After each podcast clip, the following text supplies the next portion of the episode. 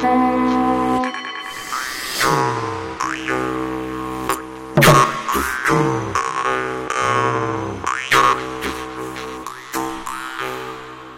ritu raksti.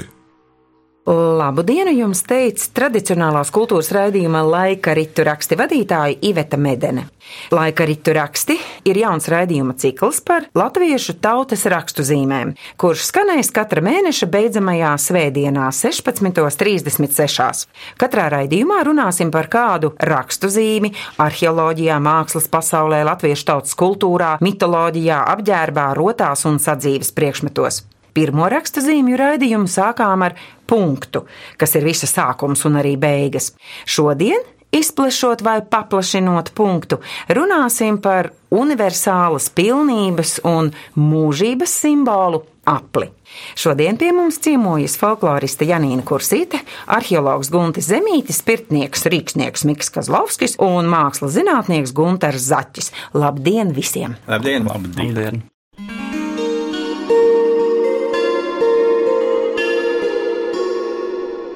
rakstuzīmes un simboli.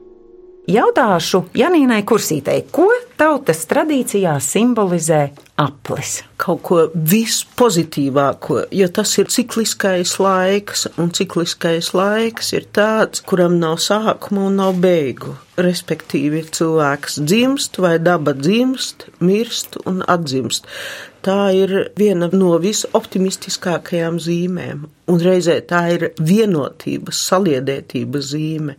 Un tāpēc tai ir tik liela nozīme gan pašās tautas dziesmās, kur riņķis jeb aplis ir svarīgs, un citos folkloras žanros, gan arī rakstu zīmēs. Bet aplis ir pasaulē ejams un pret sauli ejams. Kā tu to tur tulkot? Tā ir tradīcija cilvēkam elementāra lieta. Tad, kad kaut kas ir jāstiprina, tad ir jāiet pa labi. Tad, kad visam pienāk novecošana, kad kaut kas ir jānomaina, tad ejam pa kreisi.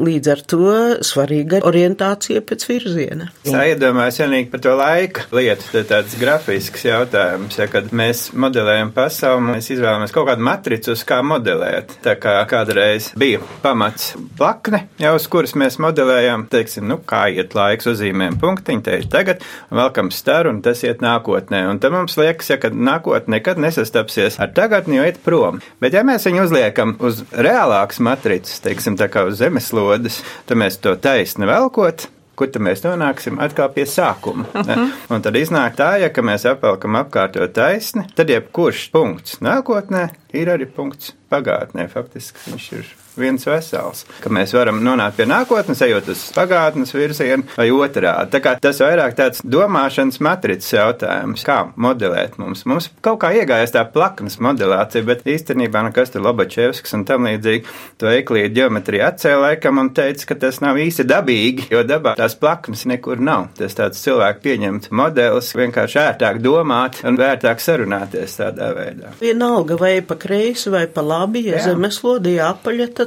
kaut kas nonāks tajā sākuma punktā. Jā.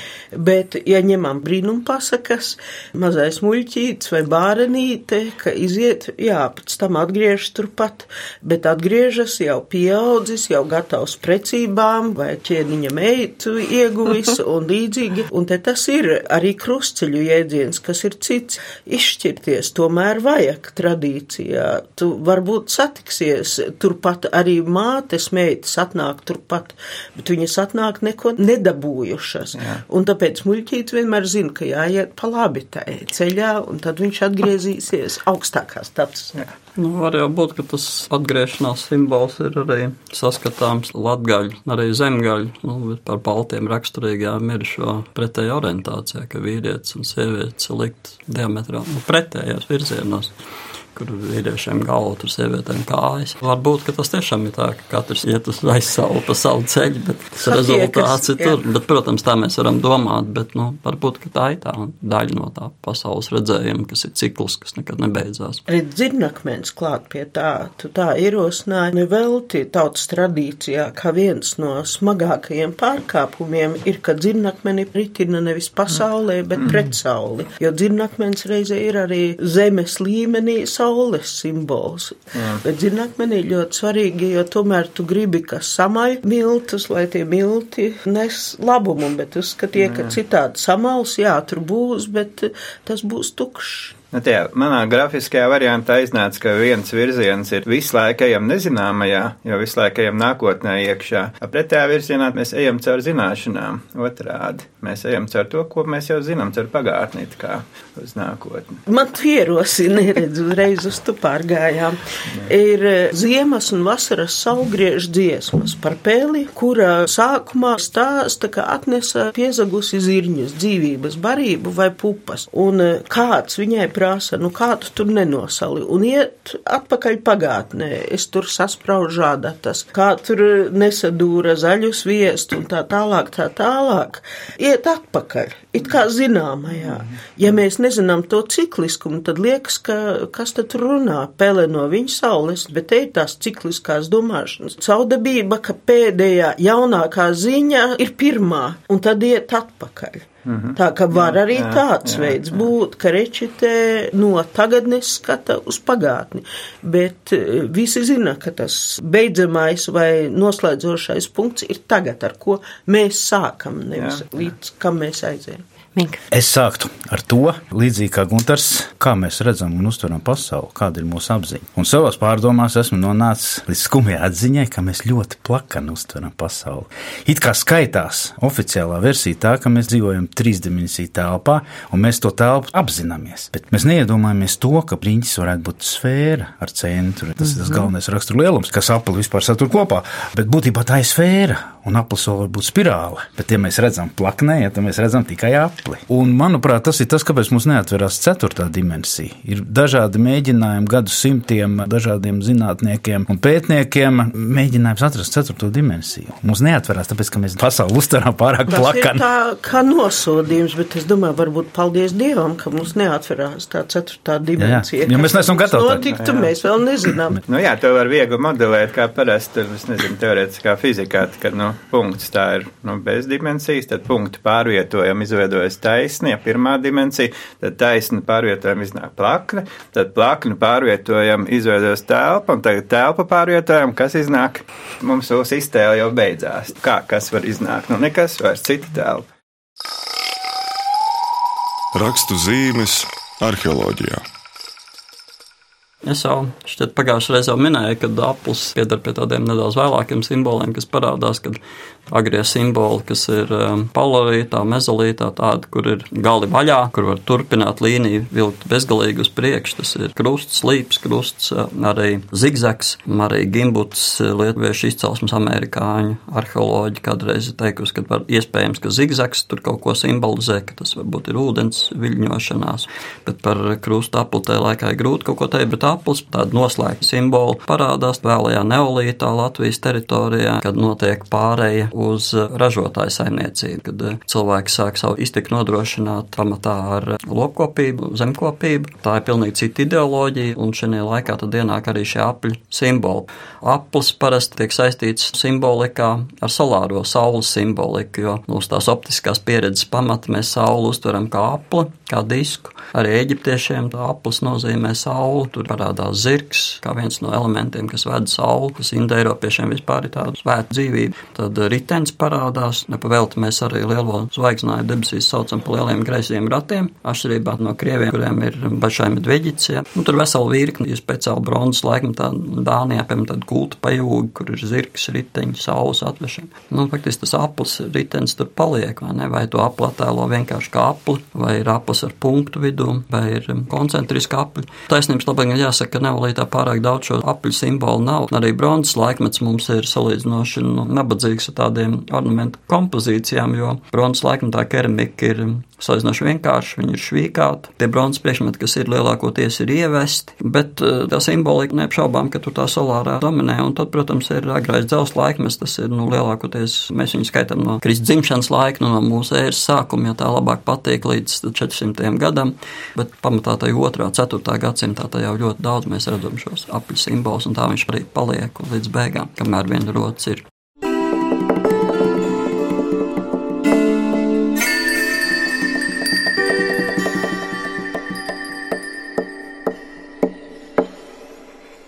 Daudz. Nu, es man pastāstījis. tomēr par tiem bedrīšu akmeņiem, kas pasaulē lauza galvas visgudrākie arheologi, tā skaitā mūsu arheologi. Kas tas ir tie bedrīšu akmeņi? Kāpēc cilvēkiem kopš senseniem laikiem akmeņos iedu? Bedrītes, vēl varētu saprast, ka tās tikai augšā, ka tā tur upura asinis vai kā līst. Un to bedrīšu akmeni ir ļoti daudz, laikam no Baltijas valstīm visvairāk Igaunijā, bet Latvijā, pateicoties arheologa entuziastu pūlēm, tā skaitā Grīnbergs, arī Juris Urtāns pāris un droši vien, jā, ir arī arvien vairāk atrod, man liekas, pāris tūkstoši ir vai Nu, nav. jā, ir, ir, jā, Lietuvā jau arī viņi. Skandināvijas valstīs, Lielbritānijā, bet arī viscaur pasaulē.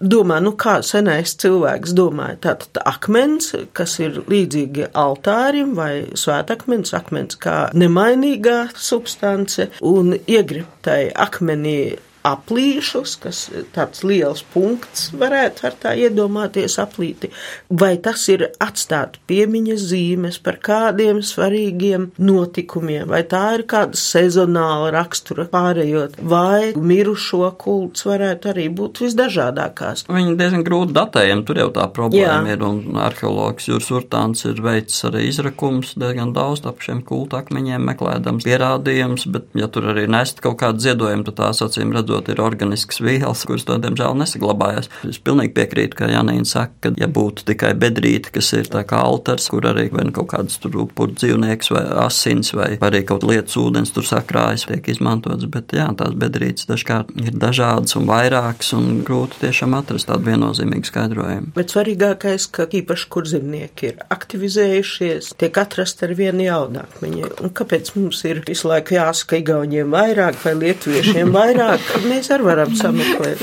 Tieši tā. Cik mēs esam pētījuši, braucot dažādās ekspedīcijās, esam nonākuši pie secinājuma, ka tā nozīme un tas pielietojums ir bijis dažāds. Uz ko jāvērš uzmanība? Ir bedrīt, bedrīt, bedrīt, bedrīt, bedrīt tāds smuks veideklīts veidojās. Jā, un līdz ar to tas acīm redzot ir saistīts ar debesu ķermeņa kustību. Acīm redzot, ja noteiktais debesu ķermenis ir pret noteikti bedrīt, tā tad ir tas laiks, kad ir jādara tas. Nu, tādi jau mēģinājumi savienot akmeņus un meklēt tur kaut kādas senās svētnīcas ir bijuši diezgan daudz. Mūsu tas diezko nepārliecina. galvenais, kas ir pārliecinoši, ka visā pasaulē tāda bedrīša akmeņi ir, tad tā nav nejaušība. Tikai mēs nevaram ielīst senā cilvēka ādā, precīzi pateikt, ko viņš, vai tās bija tikai vieniem nolūkiem, vai tie nolūki bija daudz un dažādi. Nē. Šobrīd ir grūti to pārbaudīt, jo akmeņi ir mainījuši gan zemes erozijas rezultātā, gan arī nu, mākslīgi, mehāniski pārvietoti, kaut kur izgrūstīti. Kāds ir uzskatījis, ka viņam šī viņš smukāk izskatās tas akmens. Un, Bet tas, ka uz tiem akmeņiem ir, ir arī spirāli zīmēts, nu, tas ne tikai pie mums, nu, īrijā tur ņūgreņš, piemēram, ir Jā. tāds komplekss, kur ir tiešām uz akmeņiem tāds cirkulārs spirāls. Spirāli izriet arī būtībā no apļu, nu, skaidrs, tas kaut kāds solārs simbols ir. Kā jautājums, vai šī saule vai viņa saule, Jā, vai abas saules. Tieši tā. Mēs nonākam atkal pie tā, ka spirāli iespējams ir tā īstā forma, kas patiesi attaisno visus procesus ar nebeidzami daudz vījumiem, kas no augšas skatoties jau tā kā it kā nonākam tajā pašā punktā, bet līmeni augstāk jau ar citām kvalitātēm un, un daudz ko sastrādāt jau ar pieredzi lielāku. Vēl jau, ja mēs par formu runājam, ja bedrītes formu mēs sākam ar apliet, tad jau arī varbūt jāatcerās tādu vienkārši praktisku iemeslu, ka akmenī iztaisīt apli ir daudz kārtu vieglāk nekā četru stūri vai trīs stūri vēl kaut ko. Tas ir instrumentu jautājums. Tur Eģipte iztirzāja tos akmens sarkofāgus, arī tur konstatēja, ka lielākā māksla ir uztaisīt taisnos leņķus izcirst. Izurbt aplīt, tas ir daudz vieglāk. Tā kā no vienas puses, jā, ir tas simboliskā jēga, bet no otras puses ir kaut kā jāņem visu laiku vērā tie praktiskie, ja vienkāršie iemesli, kāda darba rīka tika lietot tajā laikā, lai kaut ko uztaisītu. Bet tad tie būtu nepareizas formas apļi, ka nav svarīgi vai ne tikai, bet te, kas Nē, nu, ļoti svarīgi, ka viņi, ka griež, jā. Izurbinās un iznāk Bet apaļ. vienalga, tad tam kādam nolūkam. Jā, nu, tas- tas ir jā, nākošais. Es par jā, formu jā, bet tikai. forma Jā, tas jā. var-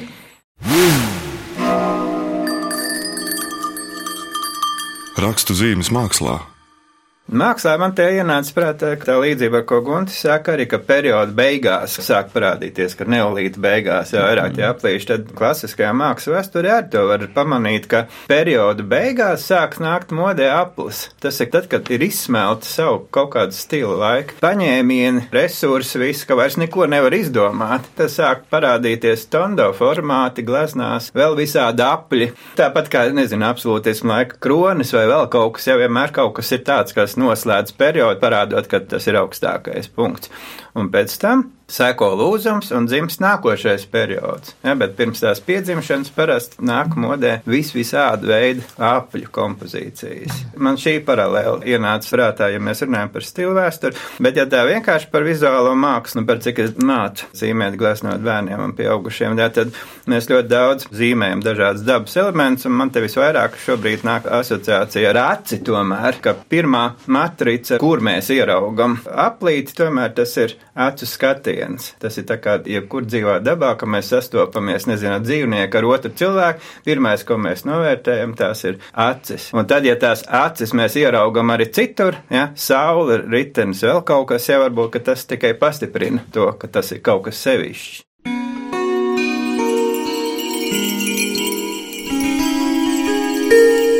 Rakstu zīmes latviešu tautas kultūrā.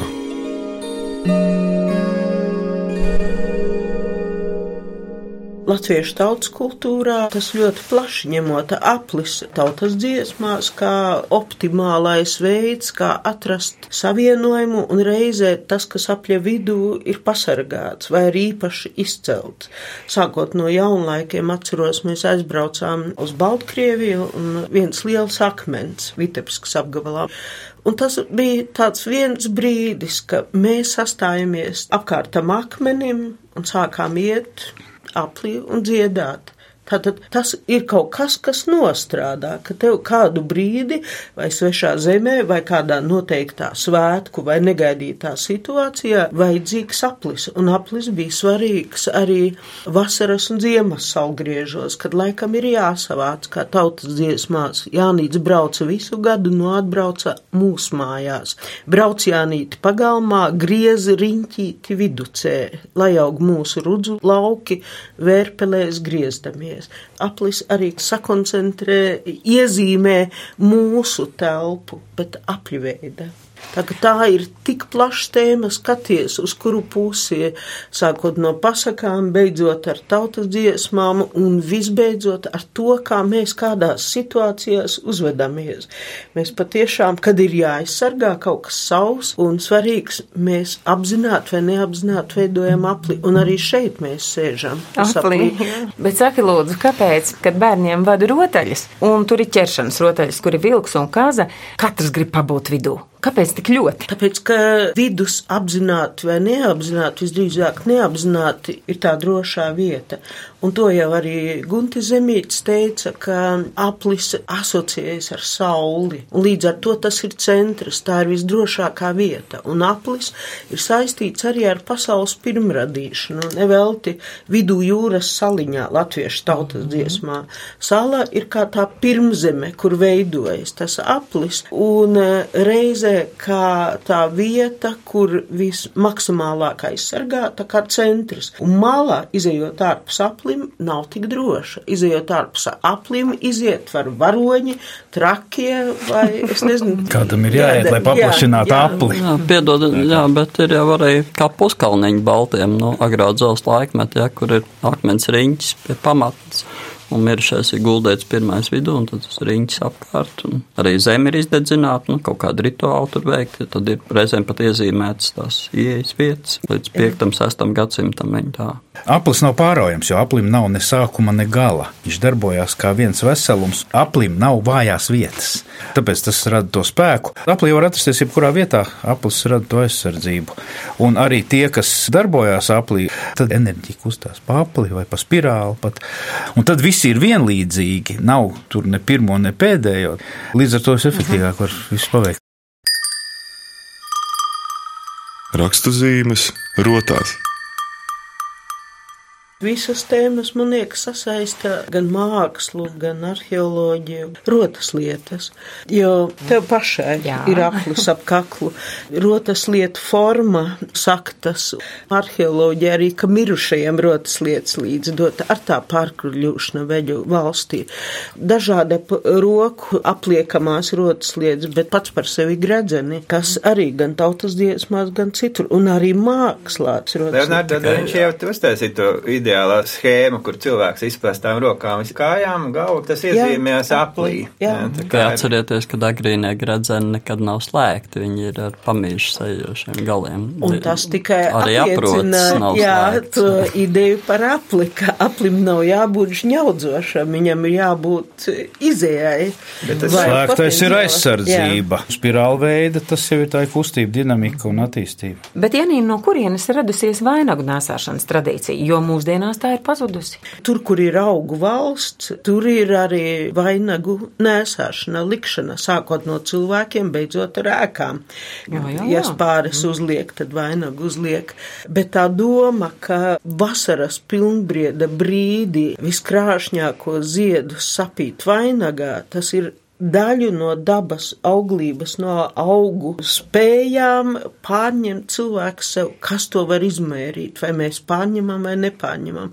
Bet šī ticība ir mūžsena un plaša, nu, varbūt tūkstnešu zonā nav. Viscauri ir vainīgi. Bet tā ir taisnība, no jā, ka tādā plašā, patiešām mēs pat nepaņēmām, mēs paņēmām tikai jā. ziedu vainagu, mm. bet tie vainagu veidi, patiešām tos Kāpēc kapu vainagus īpaši metāli morāliskos, jā, parāda sociālo statusu, bet ziedu vainags jāņos parādīt, kā mēs ziedam, tāpat kā daba.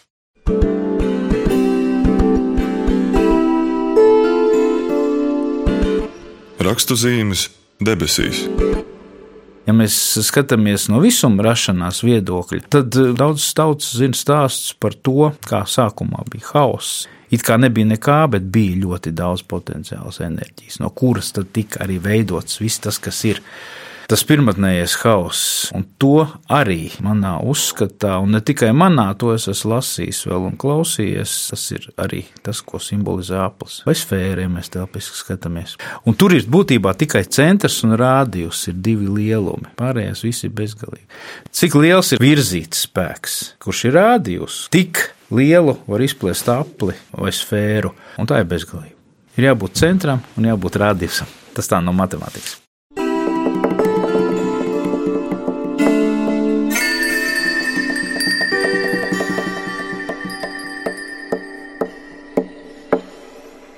Tradicionālās kultūras raidījumā laika ritu raksti par apli kā vienu no senākajām rakstu zīmēm runāja folkloriste Janīna Kursīte, arheologs Guntis Zemītis, pirtnieks Miks Kozlovskis un mākslas zinātnieks Gunters Zaķis. Skaņu režijā Rēnis Būdze raidījumu vadīja Iveta Medene. Uz sadzirdēšanos nākamajos laika ritu rakstos. Wow.